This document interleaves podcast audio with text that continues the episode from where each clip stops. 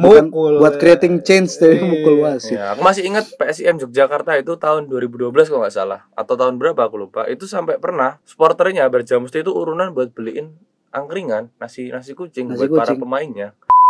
Kan permasalahan timnas Indonesia dari dulu itu kan nggak tahan dia 90 menit kan. Iya, iya, menit Selalu- 70 tuh udah Selalu ejakulasi dini coy ya. Maksudnya menit 60 itu udah loyo gitu. Mengkis- dia dapat umpan akhirnya dari Marcelino Ferdinand. Iya. Kata kalau kata komentator umpan antar generasi. Wadah. 17 dan 37. Yoi. Di postingan terbaru UMY Dear Cat Colors itu dia upload satu post yang tiba-tiba kolom komentarnya itu diisi oleh banyak buzzer coy. Buzzer. Buzzer. Iya. Kok kamu ke arci-arcian gitu? Arifan. Kearifan. Ngomongin tidak efektifnya timnas Lini Indonesia depan. di lini depan itu jadi narasi gitu. Setiap ada striker lokal yang nyetak gol langsung Sintayong harus melihat ini Iya. gitu-gitu. Bagus selalu kan? gitu, gitu, selalu gitu.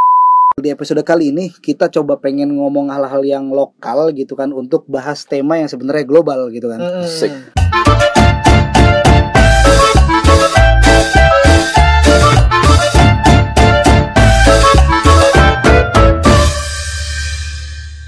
Selamat datang kembali di podcast Oragol episode ke-24 Karena sepak bola bukan hanya tentang gol Direkam tanggal 15 Januari dan untuk tayang hari Minggu tanggal 16 eh, Sekarang udah tanggal 16, udah tengah bulan lagi ya kan? Udah ya nggak kerasa lah Ini udah 2022, 2 tahun lagi kita bakal perang-perangan lagi ya kan? Pemilu guys. Gue yakin sih itu kayak pakai agama lagi sama Sarah lah terus nggak tahu nih kiri hore serangannya apa lagi ya? Paling isu, Golput. isu lingkungan lagi. Iya maksudnya ini. Ya setidaknya kita yang udah di apa namanya di posisi sekarang nggak tahu. Gue sih kepikiran untuk menyiapkan di mana gue nanti ad- berada gitu misalkan mau nggak peduli sama dua tahun yang akan datang gitu berarti prakondisinya kayak gimana atau pengen menyiapkan diri ada di sebelah mana gitu-gitu ya. Itu kalau saya nggak tahu kalau dua orang di depan saya ini kenalan dulu ya nama saya Ikhlas Alfari sebagai host dan Saya Archie sebagai host juga. nggak gitu konsepnya anjing. nggak gitu konsepnya ada Archie Arfian Halo. Ya jadi nanti di-cut nih yang tadi nih. Hmm. Ya, sepertinya anda semakin menjadi budak korporat ya ba- eh, makin-makin sih. makin ya dilihat Waduh, dari dia belum buncit nih, semakin belum nih.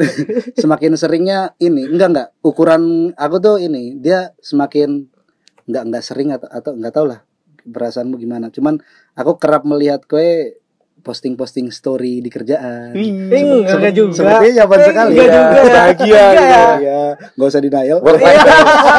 Work life Waduh, balance. Sesekali gitu. iya sesekali Eh, gitu kan Karena aku boleh ngomong gak sih? iya nggak apa-apa Karena kalau gini loh, aku aku eh, sependapat dengan kalau orang selalu ngeposting tentang kerjaan, sebenarnya orang itu bosen di kerjaannya, nggak menikmatin. Cuman dia kayak ada paksaan untuk kerja di situ. Tapi aku kan enggak, aku menikmatin pekerjaan menikmati itu. tapi Eh, di storyin ya cuma sesekali Oh, dong, nggak apa-apa ya, dong apa-apa, kayak ya. gitu. Iya iya berbalik ya ha- apa berbalik sisi dengan teman saya di depan juga ada Rehan Majid let's.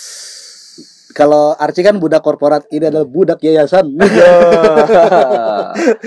Jadi dia sekalinya posting sesuatu tentang kerjaannya ya paling ini apa namanya Twibon. Jadi ada event apa terus dia gini iyo iya. Tapi tapi kan dia lebih ini kalaupun kayak misal dia ngeposting sesuatu tentang kerjanya dia misal tentang anak-anak gitu ya Mm. lebih berwarna gitu daripada aku hanya cuman laptop Tapi kan apa pernah gak sih gitu maksudnya mendokumentasikan programmu gitu bersama anak-anak? Kan kerjaanmu kan memberdayakan anak yatim dan kaum duafa kan? Iya, iya. iya iya kan? Ya Mem- pernah, pernah foto, cuman nggak pernah diupload aja. nggak pernah diupload itu. Apa gitu kebanggaan. Terima kasih hari ini teman-teman gitu. Begitu banyak inspirasi yang saya dapat gitu gitu nggak bullshit sih itu. ya nggak maksudnya kalau aku eh, ya dokumentasi sama anak-anak sama teman-teman kantor ada, Mm-mm. cuman kalau ter- terlebih kalau khusus sama anak-anak ya, maksudnya aku percaya eh ya ngapain gitu foto. eh tapi kan sesekali nggak apa-apa kan? Iya Ya, sih. sesekali iya. ya Tapi maksudnya untuk sampai langsung, sampai saat eh. ini aku belum pengen gitu. Karena aku Eh, merasa kayak tapi kayak aku pernah lihat kok belum. story Enggak, enggak pernah. Enggak, Iya. dia tuibon tuibon aja Tuibon gitu doang. kayak. Ayo sukseskan ini gitu. Bawahnya yayasan Hmm. bla bla bla. Ya, kayak Our gitu our smile. Ya, iya maksudnya ya pingin sih foto-foto gitu cuman kayak ya sekali aja. sesekali. Tapi belum belum, iya. belum belum. Jangan kayak terlalu banyak aku juga ngelihat ada yang terlalu banyak. Eh, nggak nggak usah dijangan-janganin dong kalau punya prinsip sendiri aja Iya. gitu nggak usah ngajak-ngajak Iya, karena dia dia karena ngomong-ngomong soal lah. budak yayasan ya saya ya officially sekarang menjadi budak ya, budak yayasan. Iya. Iya san Iya, San. Indonesia. Bu Busan san. Yayasan. Tidak punya keuntungan tadi kan ada. Jadi radio buku habis rapat awal tahun bro Jadi Hmm. apa namanya kebutuhan kita kita ngobrol kita diskusi apa namanya da, apa namanya kalangan tua dan kalangan muda itu kumpul gitu kan terus ngobrolin enaknya gimana dan mulai konsep gitu kan eh apa jalan bisnis lembaga ini tuh kayak gimana gitu, gitu. RAB-nya berapa belum dirumusin sih cuman eh ya intinya harus ada bisnis yang berkesinambungan gitu nggak sekedar cuman jadi rumah singgah doang gitu gitu terus ya akhirnya wow pas udah nerapin apa namanya fiksasi fi- visi kayak gitu terus apa nih kebutuhan kita? Bikin struktur dan akhirnya ada strukturnya yang jelas gitu. Hmm. karena lembaga yang jelas harus dijalankan oleh pembagian kerja yang jelas gitu kan. Ketuanya siapa sih? Hmm? ketuanya ketuanya Allah Subhanahu wa taala. Enggak. Iya. ya ketuanya Beril gitu kan. Oke. ada gen, uh, general manager gitu. GM uh, GM. general manager terus uh, sama Nardi gitu kan. Dia yang yang bener-bener ngonsep apa namanya uh, jalan bisnis radio bu kayak gimana gitu kan. Terus saya sebenarnya kayak backup aja di customer relationnya gitu kan. Kayak megang apa namanya banyak kanal dan apa sosial media gitu ya termasuk kanal Ya juga berarti untuk- lu admin untuk kan? konsep ya untuk untuk konsep apa ya analoginya gini kayak Beril sama Nardi tuh kayak yang gali tanah gitu kan. Iya lu. nyari Lu ini yang nyemangatin. nah, saya yang ayo pak ayo pak di lahan ini tuh wah lahan ini bagus pak isinya ada emas padahal lahannya gersang gitu. lahannya gersang gitu Beril apa pakai cangkul gitu. gali tanahnya konvensional lagi pakai cangkul terus Nardi tangan. Enggak, Na- Nardi yang Nardi yang bawa ember, set ngangkatin tanah gitu. Saya, ayo pak, ayo sini deh, bagus deh, gitu gitu. Eh, lip service ya, lip, Lip service. service, Lip iya. service. Ya karena itu, Sales, sales. ya karena itu apa namanya? Saya merasa skill yang saya punya itu lagi. jadi, Hmm. jadi ya coba pengen belajar dan intinya belajar dan ngulik lebih banyak lagi gitu di lembaga ini. Lanjut ke ngobrolin apa dulu nih kita udah bulan Januari dan pertengahan gitu ada update. Gue gue pengen nanya sesuatu tuh, nah update yang di Jogja ini gitu kasus di UMY itu gimana ceritanya tuh Oke. akhirnya?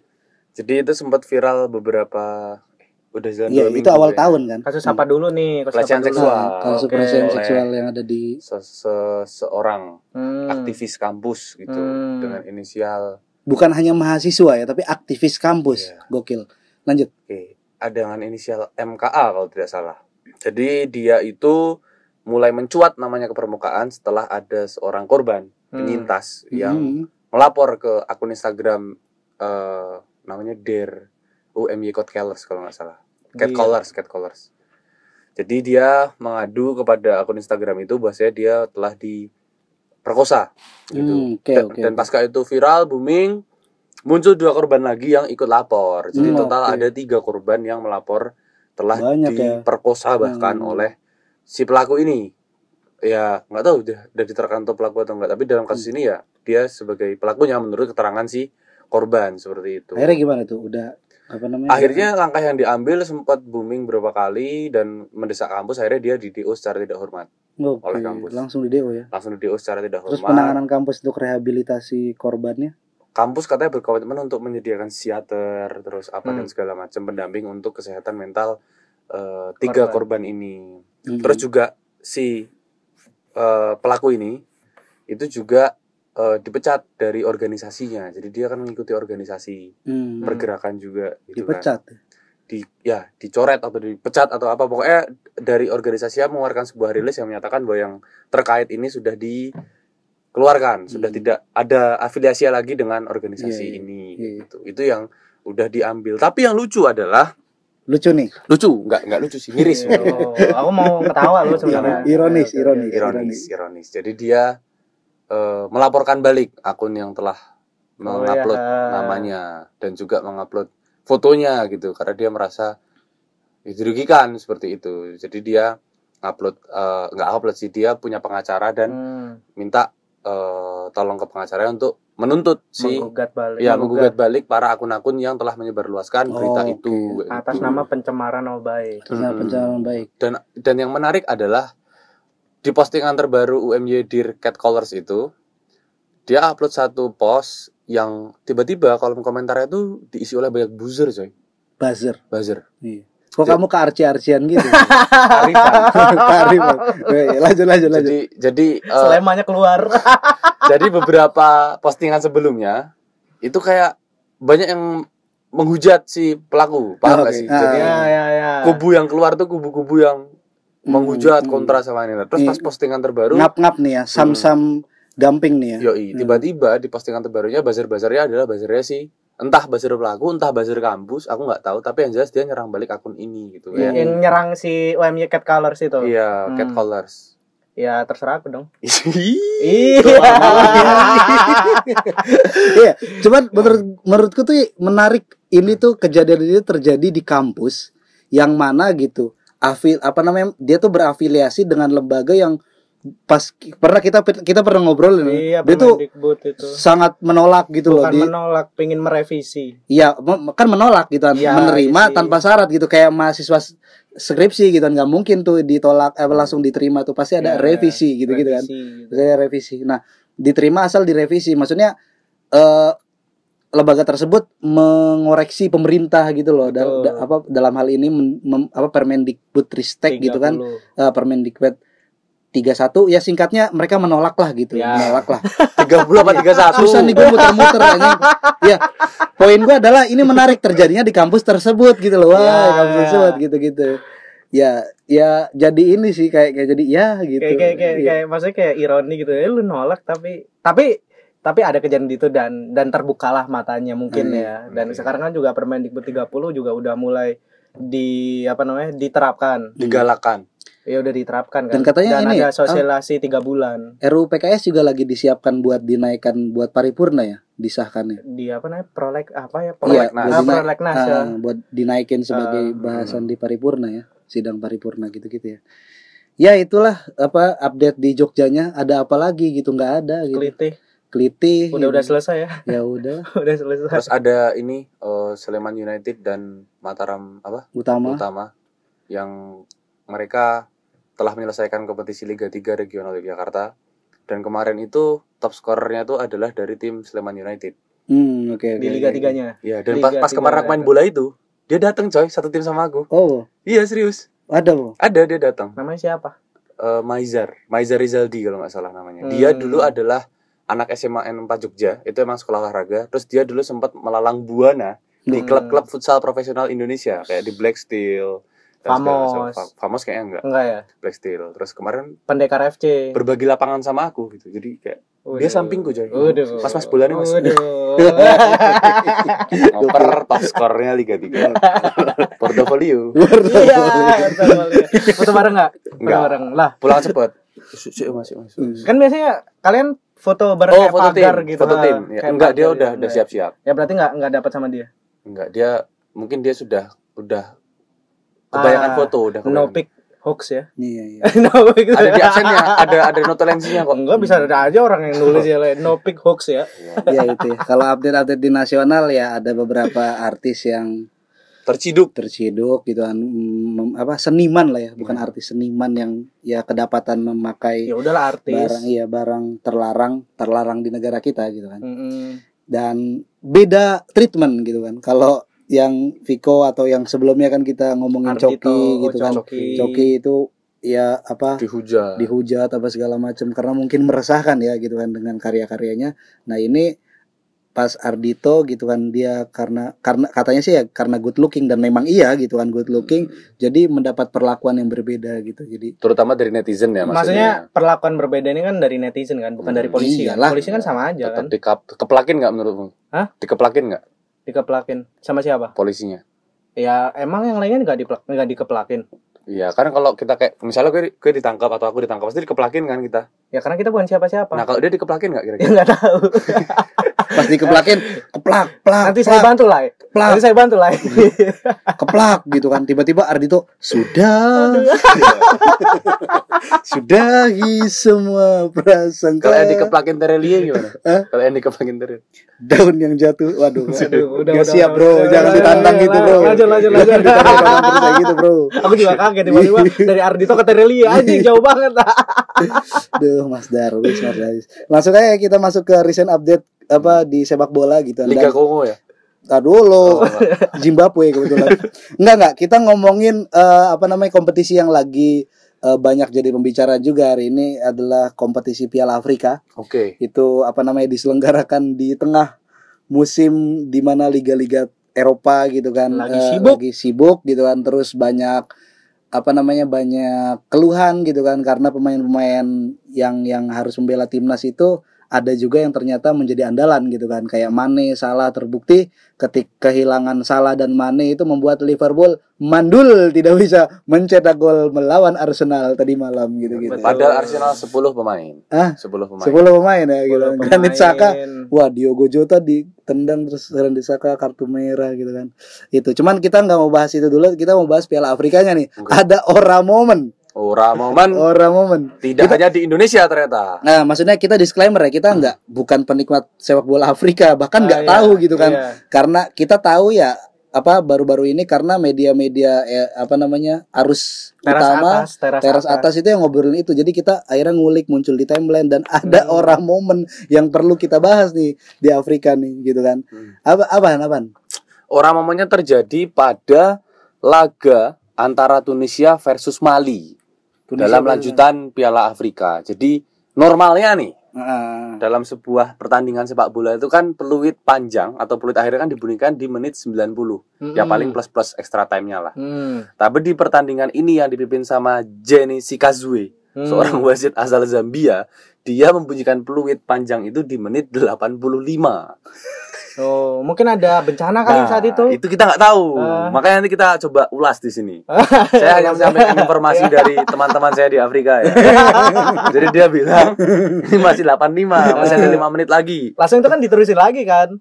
Diprotes dulu tapi Oh, iya, karena protes yang dulu. protes jelas dari Tunisia. Protes 5 menit kan protesnya. Ya, Tunisia yang Ah. protes. soalnya soalnya si apa namanya Si si, Mali ini lagi unggul, unggul. iya iya lagi unggul Jadi begitu peluit panjang dibunyikan walaupun tidak sesuai 90 menit, tetap Hmm. Malinya selebrasi dong. iya iya Yes. Yeay, menang gitu Tunisia. Tunisianya Tunisia Protes. beng- bengong dulu Bengong. dong nggak langsung protes dong Bengongnya 2 menit kan itu. iya lo lo lo, Lo, lo, lo. Ya, lo, lo. kita hitung ya 2 menit tuh udah. Dari situ kemudian pertandingan dilanjutkan lagi baru diselesaikan di menit 90. Tapi terlepas dari semua itu jelas ini kontroversial dong. Gimana seorang Iya. wasit yang punya lisensi FIFA sejak 2007 si Jenny ini kok bisa kayak gitu? Nah kabarnya kenapa hal itu bisa kejadian nih gue baca dari satu-satu media juga katanya sebelum apa namanya kejadian ora itu si wa- wasit Jani ini itu apa namanya melakukan water break Oke. water break gitu kan eh, hal-hal yang Iya. lumrah kan Di Enggak. menit berapa? Nah, 6, di- 65. ya di menit 60-an 70-an lagi gitu kan Ah. gitulah Iya. nah tapi gitu kan pas water break har- harusnya dia memberhentikan time ininya gitu kan Oh, jamnya jam. nggak diberhentiin Aduh. nggak diberhentiin laga Lanjut. lanjut ngeliat udah 90 nih prit se se se gitu gitulah Tapi emang nggak ada ini, maksudnya apa alat komunikasi dengan itu juga yang jadi pertanyaan keempat. Ya, itu juga Kalau yang- aku sih nyebut ini pengaturan skor, coy. Yang udah ketahuan banget kalau aku sih. Kalau aku kalau aku itu. Ya sekalipun itu pengatur ada pengaturan skor sebenarnya tapi aku Hmm. nggak sepakat sih kalau itu pengaturan skor kelihatan banget anjing. iya Ya emang jadi kelihatan bang karena wasitnya bego. Wasitnya Dia, pekok. Iya, bukan makanya. bukan pengaturan skor pekok aja wasitnya. ya pek- dia udah tahu pengaturan skor tapi masih bego Oh, gitu. iya, makin kelihatan. atau atau mungkin nih eh, itu pengalaman pertama dia gitu. atau mungkin dia berpikir nggak ada yang bakal notice. Itu nah, juga betul. bisa kan. Jadi Betul kan apa? Ah, Coba. Mali sama Tunisia. coba ah. Iseng. Mana sih Coba. gitu? ah. Coba. Coba, gitu kan. Sekali ya. Eh, atau dia pengen viral Iya, Atau- dia pengen iya. atau dia sepanjang pertandingan tuh mikir di Eh. di Piala Afrika tahun ini biar aku diingat selamanya Nah. gimana ya dia terus berpikir gitu Ah. dia nunggu momen coba deh coba Eh. nih 85 nih dan kabarnya juga si wasit ini juga dicoret dari asosiasi wasit FIFA Oh, Afrika. gara-gara itu. enggak gara-gara memang dia di, di kasus yang lainnya terjerat Iya. korupsi kasus Nah, betul kan. Iya, jadi memang Berarti. sebelumnya dia itu pernah terlibat Eh, pengaturan skor memang. Nah iya berarti. dan itu terjadi di kayak orang tua. Ini ya pos kamling. Iya itu. itu bangsat. Iya, jadi itu kejadiannya di Wasit Liga goblok, Liga wasit Champions goblok, ya. Afrika. Jadi dia melakukan eh, Liga Champions Afrika. Iya. Wah, menarik ya bahas itu. Iya, lanjut lanjut. jadi dia di di di pertandingan salah satu pertandingan Liga Champions Afrika pernah terlibat pengaturan skor kayak Iya, gitu. tapi kayak hal kayak maksudnya gini ya. eh FIFA-nya eh, FIFA apa ya? Kalau kayak organisasi pokoknya Iya, FIFA-nya iya, federasinya eh, Afrika. federasinya Ero- eh, Afrika itu emang nggak ada blacklist blacklistan po ya? caf caf caf. Iya, dia, dia sekarang udah di blacklist. Ya tapi kemarin masih bisa Mali Tunisia. Ya setelah itu coy Setelah itu, maksudnya. Nah, setelah itu. pas yang kasus pertama itu sanksinya udah dicabut. Jadi Nah, dia sempat disanksi, dicabut dan ah. katanya buktinya juga nggak cukup kuat buat Mm, akhirnya di, dia. di- dipersilakan Hmm. untuk berkegiatan kembali di sepak bola. Nah sekarang dicabut tuh berarti udah ketahuan pengaturan skor berarti ini. Mungkin. Final Senegal sama apa Mesir kalau nggak Kamerun coba lihat aja. Nah, tapi si si si Jan, Dukun Benin. Coba lihat Dukun aja. Benin. tapi si Jani ini dia tuh ini loh, wasit final Piala Dunia antar klub 2016 loh. Waktu Real Madrid lawan Kashima Antlers. Maksudnya dia Iya, maksudnya sebetulnya punya, portofolio, bagus ya. yang bagus dalam persepak bolaan dunia gitu. Heeh. Tapi nggak tahu kenapa itu tes case mungkin dia kemarin tuh. coba sih, atau coba. atau iya urin nggak nggak di tes urinnya mungkin ya. Hah? Hah? Ya kali aja kan doping. Hah? Ya kit, ya gitu. Hah? Ya doping Iya, terus kali aja Heeh, dia terus make gitu Hmm, kan terus? langsung waduh masa di Indonesia Ardito Jadi tukang bubur gitu. Ardito make aku nggak Halusinasi make maksudmu. alasannya untuk menjelaskan premis dia tadi ya masa di Indonesia Ada yang pakai? aku nggak pakai. Padahal Ardito kan setelah setelah ini ya? Iya, iya, baru Oh, baru gitu. ini. nggak mau coba terusin terus Eh, gimana? terus ya dia di menit 85 pingin pakai juga. Pengen make. Terus akhirnya dia cepet-cepet kan? Biasanya kan Oke. orang kayak gitu kan Sakau berarti. sakau pengen cepet aduh cepet-cepet eh, gitu kan. Akhirnya dicepetin pertandingannya. Eh. baru dia pakai abis itu. Iya tapi diprotes Oh. sama Tunisia kan. Oh. Eh nggak boleh ente gitu Gak lucu anjing. Oke kita beralih ke apa namanya ke update selanjutnya ya. Ada eh, tadi kita udah bilang City menang. Eh belum ya? Eh, baru. belum belum City belum. menang baru aja gitu di malam kita rekaman ini eh, City baru menyelesaikan pertandingannya City menang melawan Chelsea Eh, salah satu rival di papan atas Liga Inggris dengan kemenangan tipis 1-0 yang dicetak oleh Kevin De Bruyne. 13 Ya. poin berarti ya Iya, makin jarak makin sama Chelsea peringkat 2 clear Hmm. Anjing. Ce- jadi City, Chelsea, Liverpool. oh, oh Liverpool Liverpool baru West Ham ya. Eh, West Ham sih? ini ya West Ham Arsenal Arsenal, Tottenham MU MU.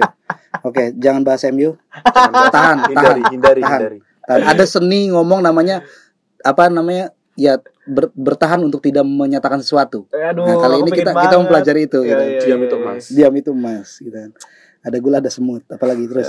Diam ada eh, ada update lagi Dortmund menang besar lawan Freiburg nih di Liga Jerman ya. Mm-mm. Jaraknya di apa itu itu mempersempit jarak dia dengan puncak klasemen Iya, iya. eh satu Munchen. poin Gua nggak ngikutin sih mil- bulan-bulan ini. Jadi sebelumnya itu Munchen itu sempat digdaya di ya nggak sempet sih emang dia digdaya terus Emang di digdaya Bundesliga. sih. Cuman musim ini dia sempat clear berapa poin gitu di Bundesliga tapi eh, ternyata terkejar gitu. Dan Oke. sekarang menyisakan 6 poin sama peringkat 2 yaitu Borussia Dortmund. eh udah udah udah defisit lagi kan gara-gara dia menang ini Ya itu jadi 6 poin. Eh, tapi tapi dia apa namanya si Bayern Munchen tuh masih menang satu pertandingan Ya, Oh, tapi intinya sekarang kondisinya dia bedanya 6 poin kayak Ya. gitu. Dan terus di pertandingan itu sebetulnya yang bikin menarik adalah ini posisinya Dortmund ini sebetulnya juga apa namanya? eh sulit juga sebetulnya. Dia posisinya harus tetap stabil dalam performa yang seperti ini, tapi di satu sisi si Erling Haaland tuh kemarin speak up bahwasanya dia eh, ditanya sama wartawan kenapa belum menyatakan sikap tentang masa depannya. Ternyata dia selama ini menahan diri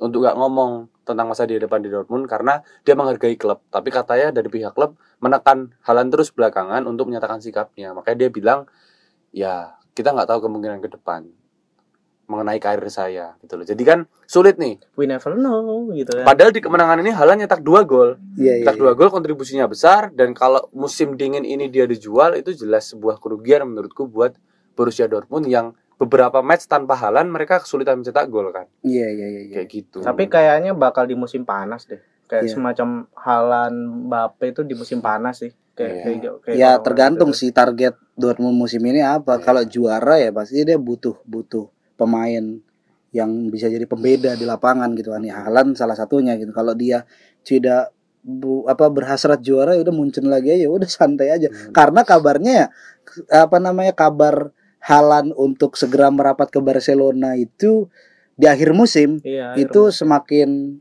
ini apa namanya semakin kan? santer gitu kan soalnya kan Madrid Mbappe gitu kan Madrid juga Hmm. sebenarnya punya hasrat terhadap Halan tapi dia harus milih dua ini nih gitu kan dan Halan pun bakal nggak mau apa namanya nggak apa ketika dia berlabuh ke satu klub besar dia nggak mau terlalu ada bintang yang jadi tandingannya gitu kan ya misalkan dia satu klub Mbappe ini ya Dibanding-bandingin iya nanti. emang manajemen klubnya pemain Master League PES 2021 gitu semuanya dibeli tapi ini kalau di rela- relive itu sesuatu, sesuatu yang tidak mungkin gitu kan menyatukan Halan dan Mbappe gitu kan Hmm. jadi eh, banyak yang bilang juga kalau misalnya kejadian Mbappe ke Madrid Halan ke Barca akan dimulai era baru El Clasico gitu kan walaupun di El Clasico sebelumnya gitu kan yang baru-baru aja terjadi Barcelona berhasil kalah tipis Berhasil dari kalah. Kalah itu berhasil iya kalah iya tipis. iya Daripada berhasil kalah tipis kalah da- besar Mm-mm, berhasil kalah Oke. tipis dari Real Madrid di pertandingan Supercopa. Kenapa saya bilang kalah tipis? Karena secara permainan ya enak banget dilihat. Wah, ini, ini anjing Barca nih gitu kan, Oh, bukan gitu. Bukan mana nih? Aku pengen nyebut ya itulah gitu.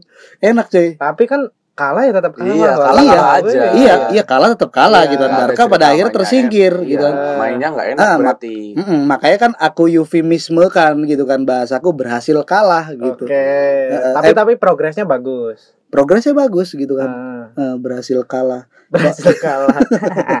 Jerman juga kalah. Iya iya gitu-gitu ya. Jadi Barca jadi Super Copa sih ketemu Da- dan aku apa namanya dari pertandingan ini walaupun kalah tipis gitu kan. Jadi apa semakin optimis gitu kan untuk melihat Barca Ya. lawan Madrid di pertandingan selanjutnya di La Liga gitu-gitu. Oke. Nanti juga kalah tipis itu juga sama. Ya nggak apa-apa.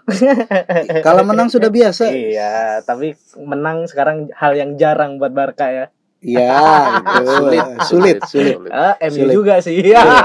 yang bikin yang bikin aku sangat ini ya sangat enak gitu hatinya gitu.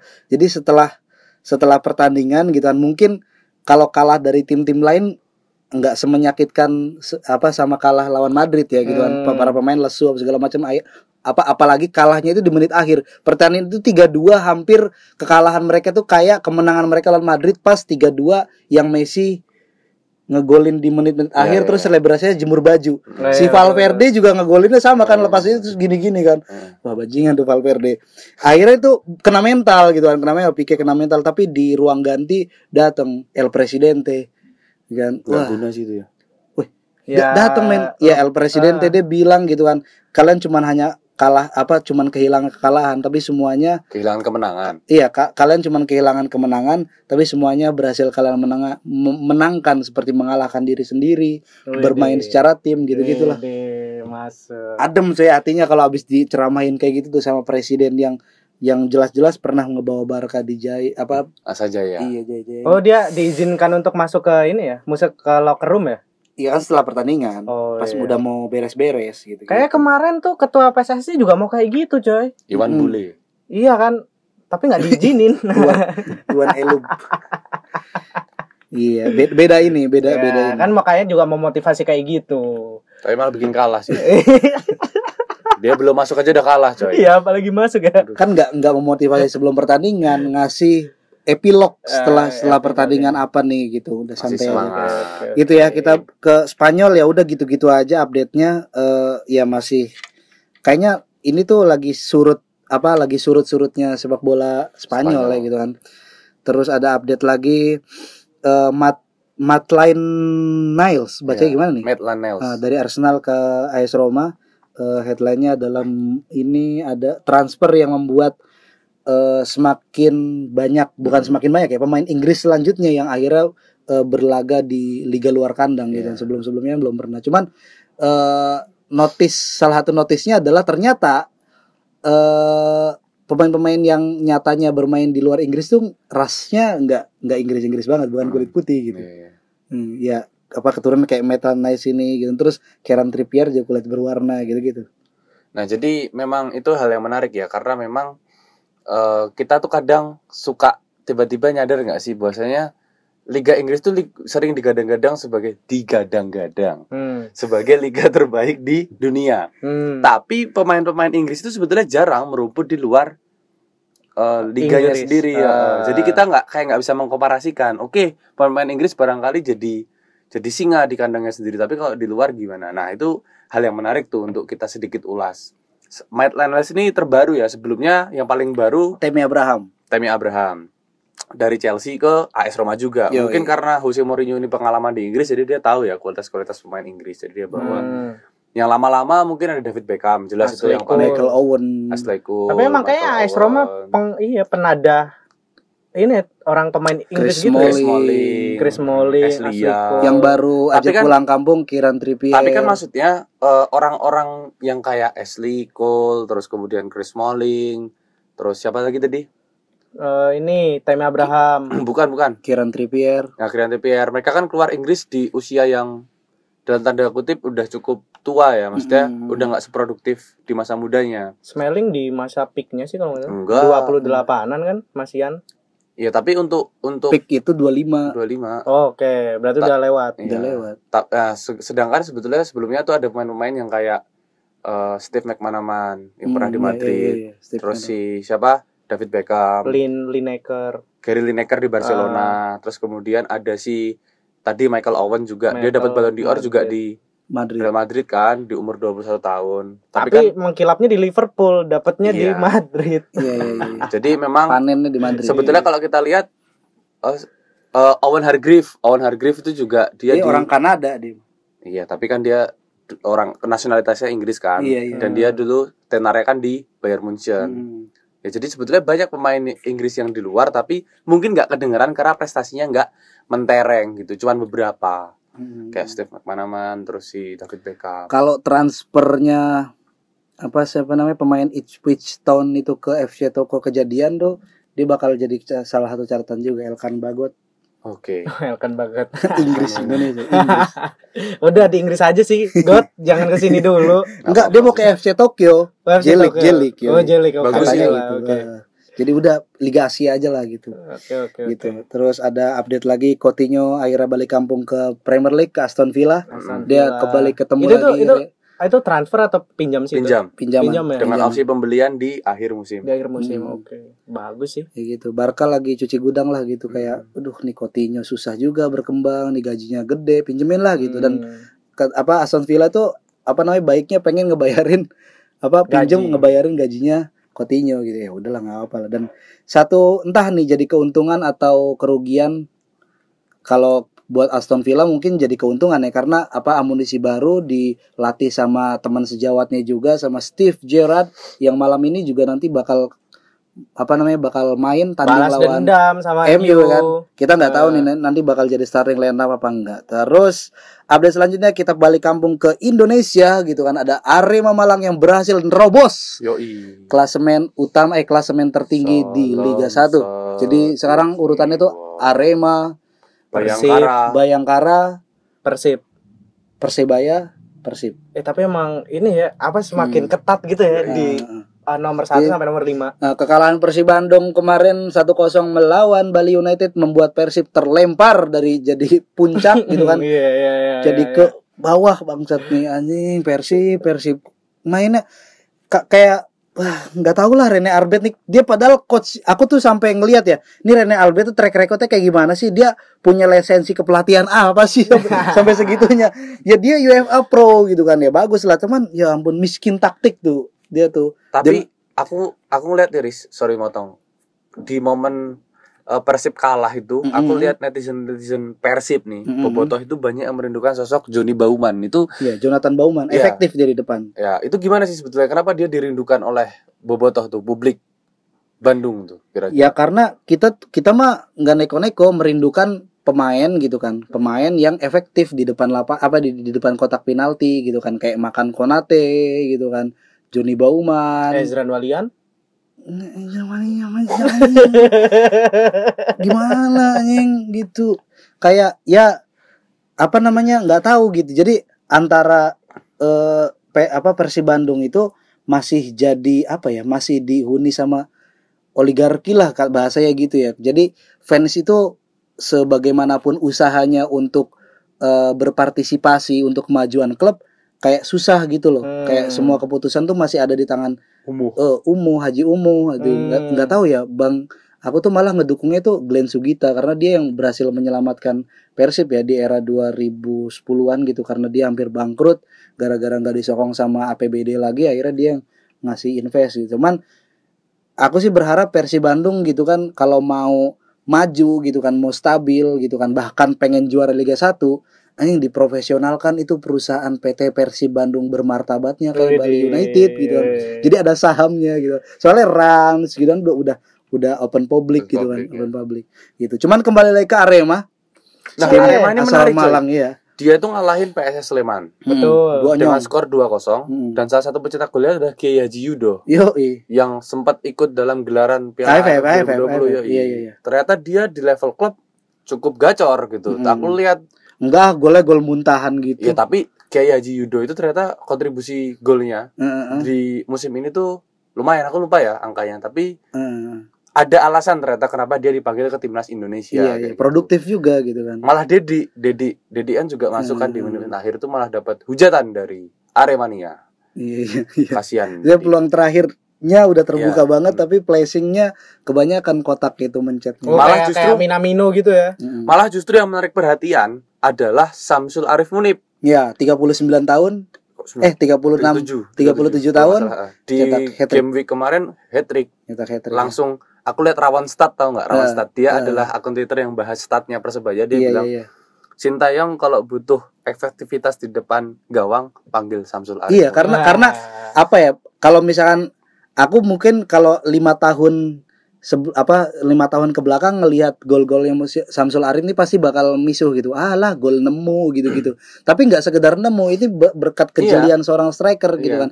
Yang pertama, dia nyari ruang gitu kan di antara kawalan back-backnya apa PSS Sleman gitu kan. Terus Eh, dapat kok umpan sih itu Eh. bukan lawan PSS Apa? bukan lawan PSS. Barito apa Persikabo, Persikabo. Eh, Persikabo ya benar Persikabo. Dia dapat umpan akhirnya dari Marcelino Ferdinand. Iya. Kata kalau kata komentator umpan antar generasi. Wadah. 17 dan 37 Yoi.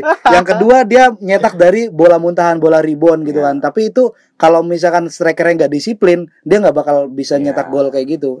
Terus yang penempatannya bagus Mm, ya Penempatannya bagus. Yang kedua juga dia jeli gitu kan. Ngelihat apa namanya akurasi operan backnya Persikabo yang nggak akurat gitu kan. Dia Akhirnya manfaatkan di- error dimanfaatkan itu. error itu dia akhirnya bisa bisa nyetak gol. Hat-trick Keren ya. lah Samsul. Dan yang menarik mungkin terakhir untuk pembahasan persebaya, waktu Arif Samsul Arif ini di interview soal ada kemungkinan Hmm. eh, misalnya dipanggil ke timnas, jawabannya keren.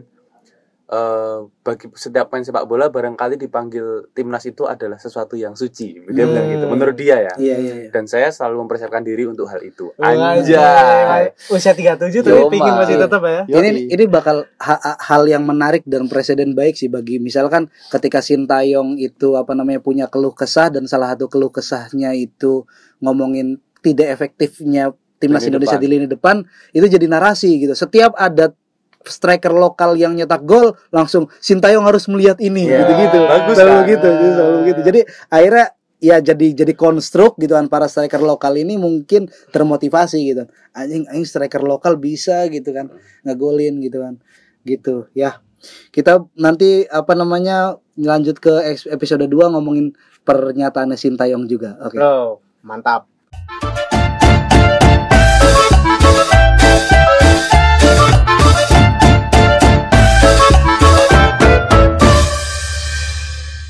Baik lagi di podcast Oragol karena sepak bola bukan hanya tentang gol. Di episode kali ini kita coba pengen ngomong hal-hal yang lokal gitu kan untuk bahas tema yang sebenarnya global gitu kan. Sik.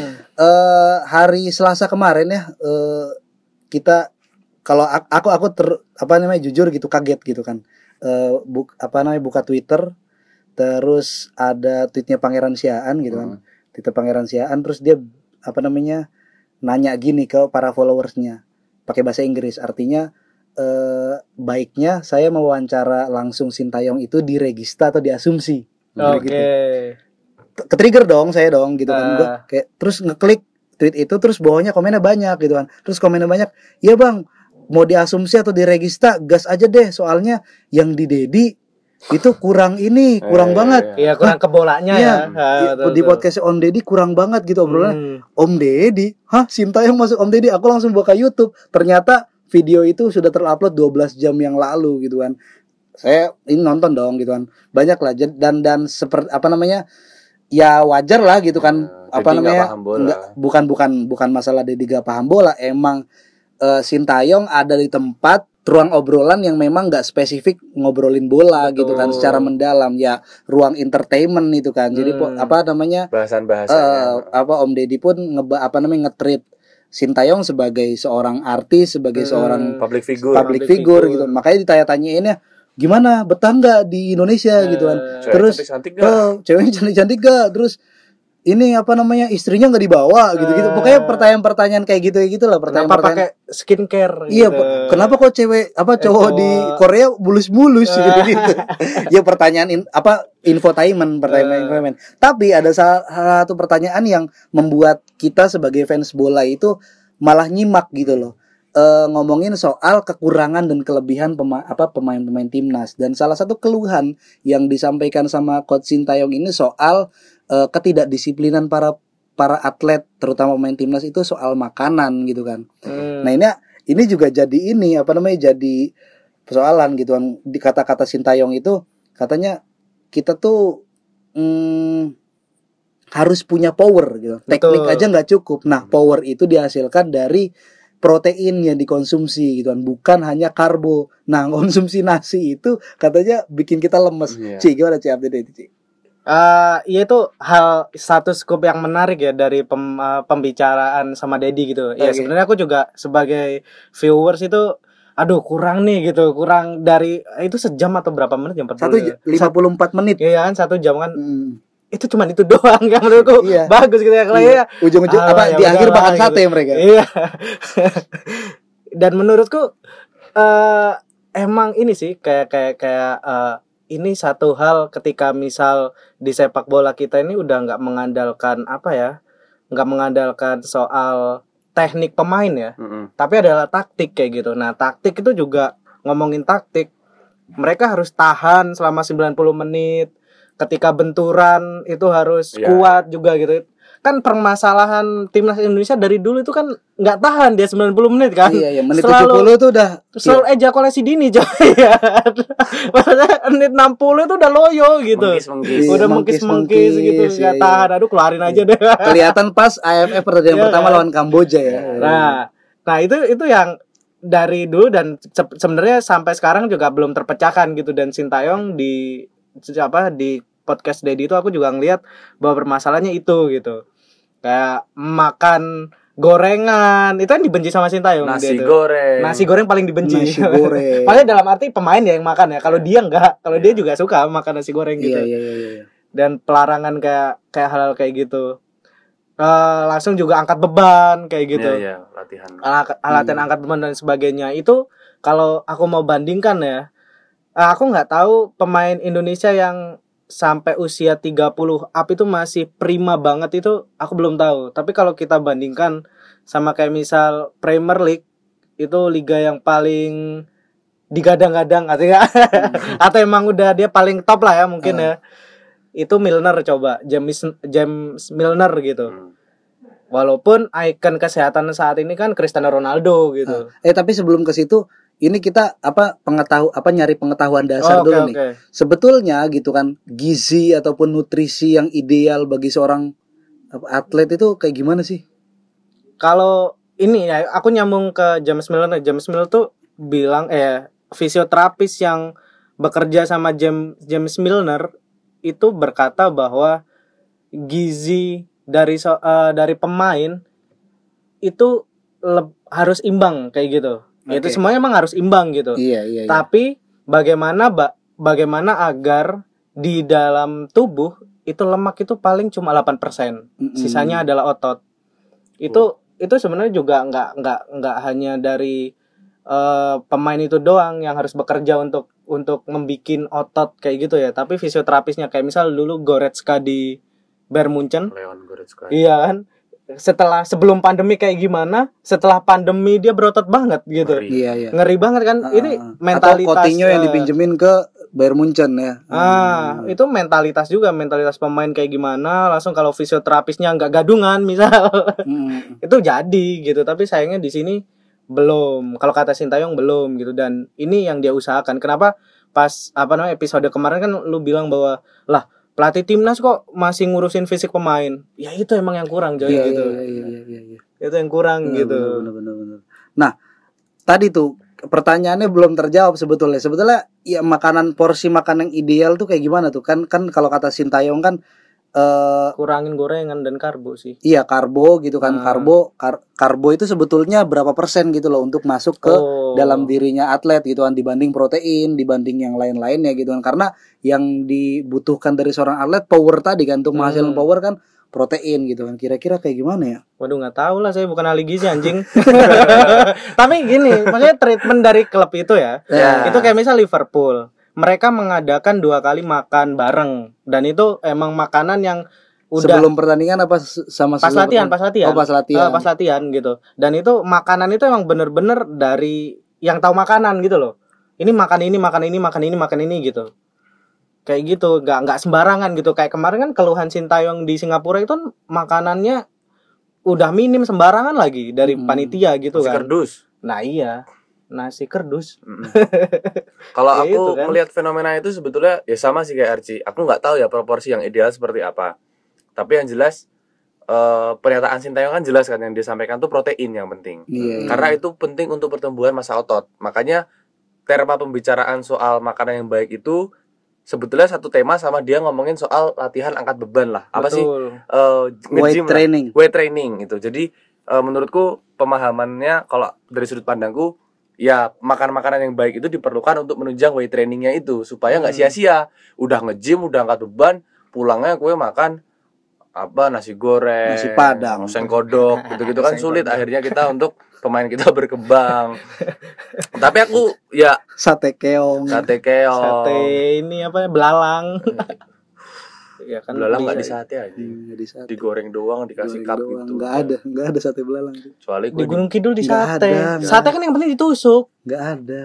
Nah, terus ya terlepas Iya dari Ci, ya Ci. Santai. ya oke sate sate belalang apa rica-rica ular Iya. ya terlepas dari semua itu aku sepakat sama Aci tadi kita nggak tahu ya proporsi idealnya gimana Ya. tapi ya tim-tim di Indonesia itu mungkin juga perlu dikritik jadi bagian kritik ke apa namanya stamina pemain yang nggak baik karena ya aku nggak tahu ya klub-klub mana yang punya eh, ahli gizi ahli nutrisi untuk para pemain yang ngatur soal pola makan gitu karena nggak dikit juga lah. Marcelino Ferdinand itu pas aku kepoin Instagram ya dia di endorse makan sate balungan atau apa sop sop gitu-gitu dah maksudnya kan Hmm. akhirnya dia kan juga sembarangan juga kan barangkali makannya Ah, Ricky Kambuaya aku lihat makan di pecel lele maksudnya ya masih sesembarangan itu barangkali aku kan mm, yang aku mengerti nih sebagai seorang pemain sepak bola kan memang kita harus mengorbankan banyak hal nggak sih cuy betul Iya, betul makanya- disiplin gitu loh disiplin, disiplin makan meskipun kita Hmm. tahu ya itu bakal menyiksa kita Heeh. doyan doyan eh, jeruan misalnya Mm-mm. doyan apa Hmm. doyan ini itu tapi ya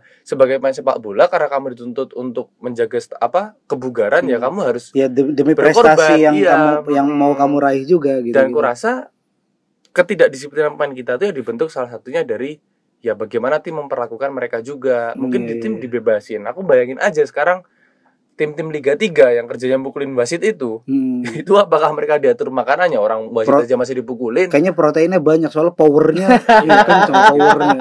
Kan kata Sintayong kita Iya. butuh power gitu kan. Buat malah powernya dipakai buat bukan buat creating change tapi Iya. mukul wasit. Ya, aku masih ingat PSIM Yogyakarta itu tahun 2012 kalau nggak salah atau tahun berapa aku lupa. Itu sampai pernah supporternya Berjamusti itu urunan buat beliin angkringan nasi nasi kucing Nasi buat para kucing. pemainnya. Oh, berarti itu Karena nggak- gaji karena ga- gaji gaji, kurang. Enggak digaji. ya, ya? pertama itu dan kedua Nah, nyatanya ya segi, saking segitunya akhirnya nggak sempet kan mikirin lagi gizi. Akhirnya Iya. makan apa pun ya disambung. Si mending urip se Heeh, gitu kan. ya akhirnya ya gimana mau ngomongin promosi, gimana Betul. mau ngomongin permainan yang baik. Akhirnya dampaknya ke mana? Ya ke timnas. Ya aku rasa perbedaannya Sinta yang waktu dia ngelatih tim Korsel sama Indonesia. Ini menurutku ya, aku Hmm. bayanganku nih. Perbedaannya adalah ketika dia ngelatih timnas, dia banyak melatih hal basic. passing, makan, weight training. Hmm, Jadi akhirnya mungkin progresivitas ngomongin taktiknya lambat. betul Tapi betul. sedangkan ketika dia menangani tim sekelas Korea Selatan, dia nggak perlu lagi ngajarin selesai passing. ya. Iya. Udah selesai, Udah Dia nggak perlu menjelaskan lagi. Bahkan kan ada kan pemain timnas yang dijelaskan di podcast itu masih mempertanyakan kenapa perlu weight training. Iya kan? iya, Mm-mm, kan iya. saking berarti sebasic itu pun nggak paham. Sedangkan di Korea Nah, orang kamu eh, minggu ini tiga hari angkat beban misalnya gitu. Mereka tanpa harus menanyakan tahu kenapa. Oh karena pasca ini kita akan eh, body fisik apa dan segala Hmm. macam. Udah passingnya udah bagus, makannya juga udah tahu mereka. Hmm. Jadi ya Sintayong bisa fokus ngomongin perkembangan taktik. Ya di Indonesia kita mau ngomongin taktik, passing aja masih loyo, selesai. kayak ini kayak apa namanya sistemnya Ipu tuh gede di PSS Sleman kan Hmm. mainnya udah satu dua satu Iya. dua tapi karena pemain yang nggak punya akurasi passing anjing susah ini mah Iya. kayak hap- apa Windows XP dipaksa masang FM tuh loh kayak wah anjir susah nih gitu Iya, makanya kadang aku mikir eh ya ini masalah struktural lagi-lagi ya di, di sepak bola Indonesia ya. Hmm. Akhirnya tim federasi yang tidak serius membina pemain dan ngopeni SDM. Kan Hmm. Lagi-lagi kita pengelolaan SDM nih. Ketika nggak serius ya dampaknya ke prestasi ya. Oh gimana kalau ini Eh, wajib militer aja untuk membentuk masa otot? Enggak juga. Oh, enggak ya? Enggak Karena Thailand itu coba lihat kemarin ya. ya ya Thailand Korsel Korsel juga ada Wajib wajib militer militer. cuman kan Dia- ng- enggak ngomongin Badannya keker-keker coy.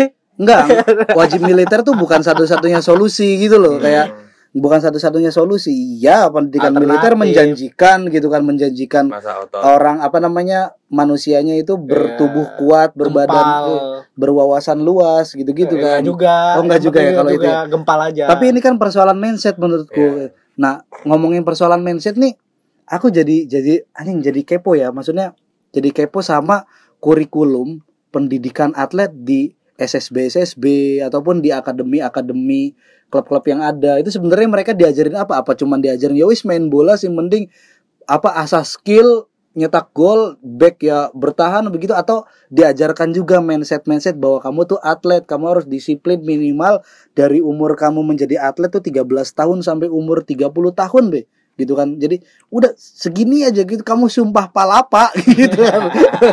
Kamu masa kamu tidak belajar sama Gajah Mada gitu kan. Iya. si Gajah Mada sumpah palapa dapat Nusantara gitu kan. Eh. masa kamu eh, apa sumpah palapa ya kamu dapat piala presiden misalnya gitu-gitu kan bisa gitu kan. Di diiming-imingi sedari kecil di didoktrin lah bahasanya sedari ada ada yang pernah eh, masuk SSB umur. Aku? Iya. Kau aku dulu juga pernah. Aku Hmm. setahun masuk SSB Hmm. dari kelas 3 sampai ke kelas 4 SD.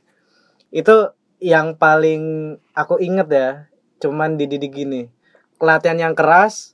Nah, itu pertama. Pas main bola jangan sampai lewat jatuhin gitu. Itu maksudnya jatuhin tuh dalam arti kena harus kena gitu. Iya. Entah kena bola atau kena kaki. Nah, gitu. oke aku digituin. oke gitu. aku yang nggak tahu apa-apa soal SS, dunia SSB tuh udah apa namanya ngelihat testim apa ngedenger testimonimu tuh langsung menggaris bawah itu briefingnya latihan yang keras. Latihan keras. itu kan abstrak ya latihan Iya. keras tuh kayak gimana gitu loh nah kayak gimana Kalau SSB mana ya? SSB Bardosono enggak SSB Matra namanya, Maguwarjo Putra. mantap mantap. pernah ikut turnamen satu kali ya sama eh, metodenya full yang kami pelajari dari hari ke hari itu pemanasan ya paling- muterin muterin ini dulu, Iya, dulu terus lapangan paling passing-passing, terus games. games langsung Iya kayak gitu. Terus jadi akhirnya kenapa sering kali ketika aku kita bahas soal Liga 3 misalnya orang-orang momen masih dipukulin apa segala macam aku bilang pendidikan usia dini itu nggak cukup baik. Ya karena aku waktu itu mengalami aku nggak tahu ya sekarang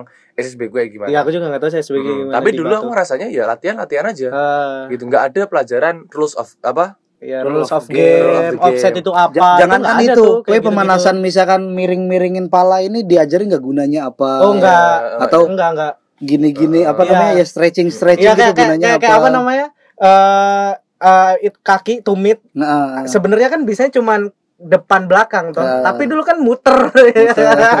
Iya kan? Nah itu sekarang Terus ternyata pinggul boleh. pinggul kanan kanan kiri kiri Eh, muter. Ya cuman gitu cuman diajarin aja langsung gitu sama senior senior gitu. Ayo Hmm. ayo gitu. Tapi Hmm. tanpa emang tanpa harus oh ini gini gini gini. Rule of game aja kayak offset tuh apa? Itu nggak pernah tuh di usia tiga empat. Iya. Jadi aku rasanya tuh. ya memang sejak usia dini kadang selesai turnamen eh, perayaan makan ya, nasi goreng sama-sama gitu makan apa sate gitu maksudnya Iya, kan akhirnya kan kelihatan dari kecil tuh polanya Mm. Padahal SSB-mu bayar kan?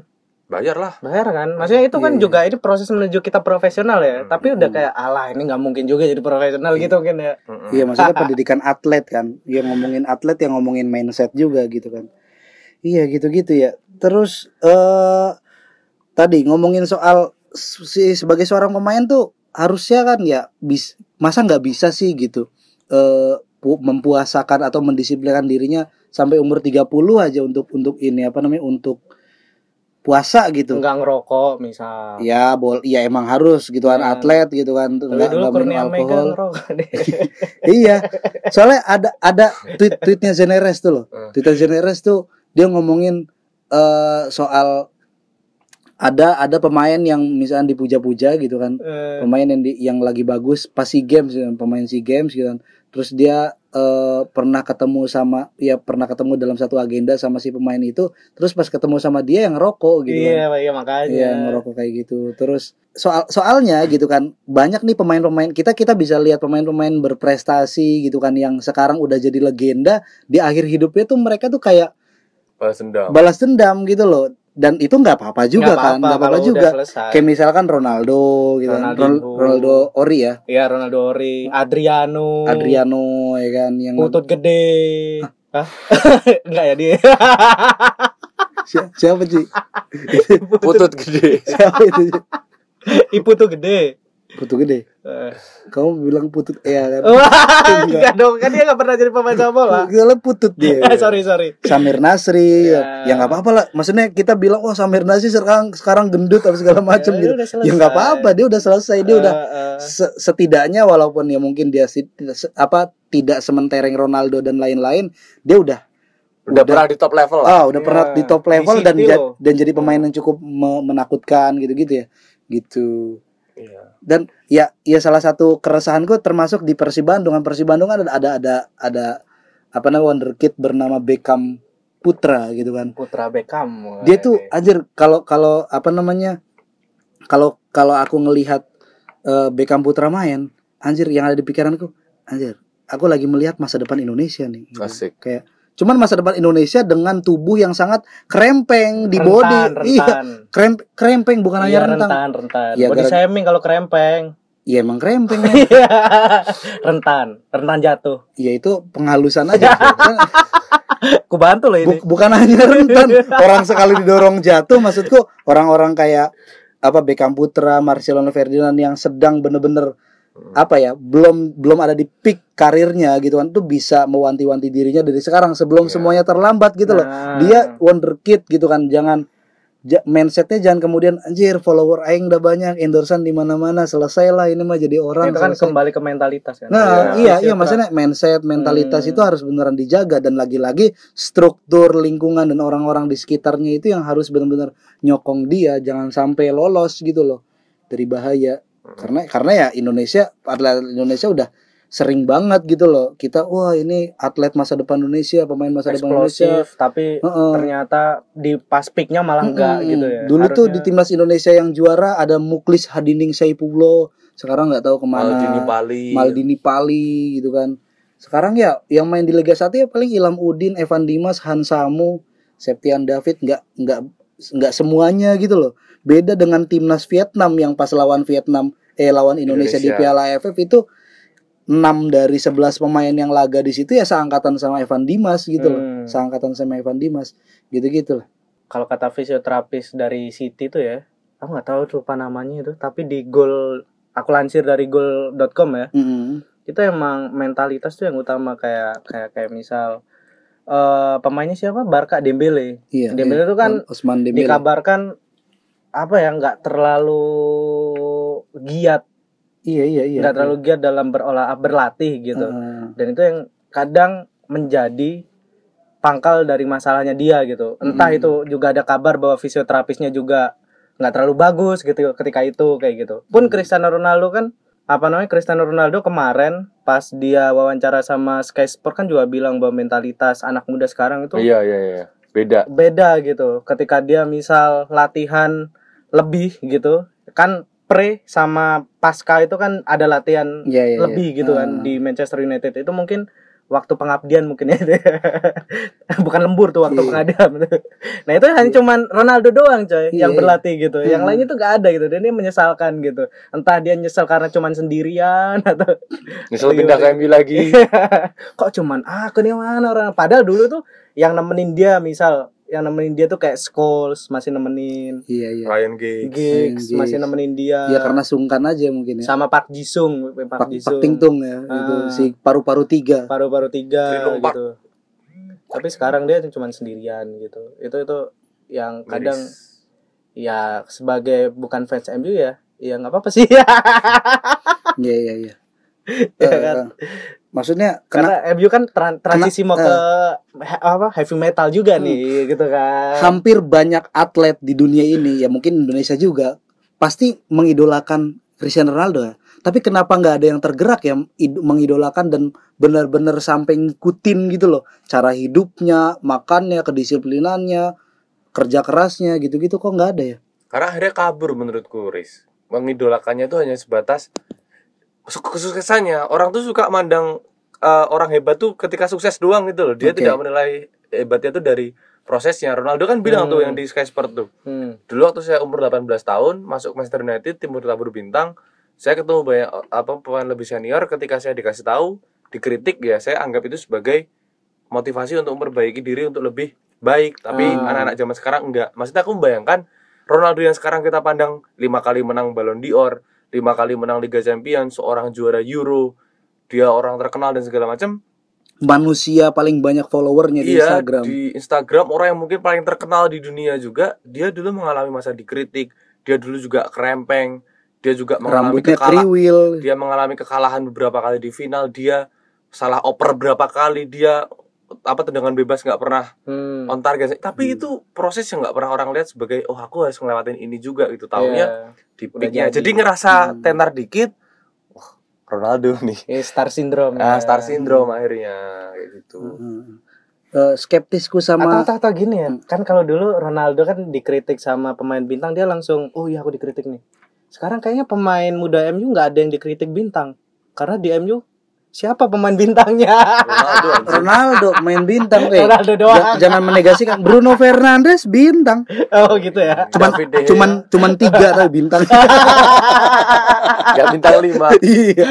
Eh, itulah ya apa namanya episode kita ngomongin eh, apa namanya idealnya atlet dalam eh, eh tapi itu kan aku gizi tambahin gitu. tapi itu kan atlet. Eh, eh, eh. kita juga sebagai orang biasa juga resolusi juga harus tubuh sehat lah 2022 tapi ada pertanyaan deh Mister ini apa gendut Doni kenapa nggak gendut karena dia udah doni oke Riz ya so ya gitu ya. Jadi Arji tuh pengen bilang resolusi hidupnya apa sih? Resolusi Iya. 2022 ini Ya kita harus sehat, sehat selama 2 tahun ini kan mahal banget coy. Dari 2020, 2021 kan. Hmm, Jadi 2022 ya ayo kita sehat lah. Oke. Gitu. Ayo kita sehat biar bisa tetap aktif kayak Christian Gonzalez. Ya, oke betul, betul. Sampai jumpa di episode selanjutnya. Bye bye. Bye.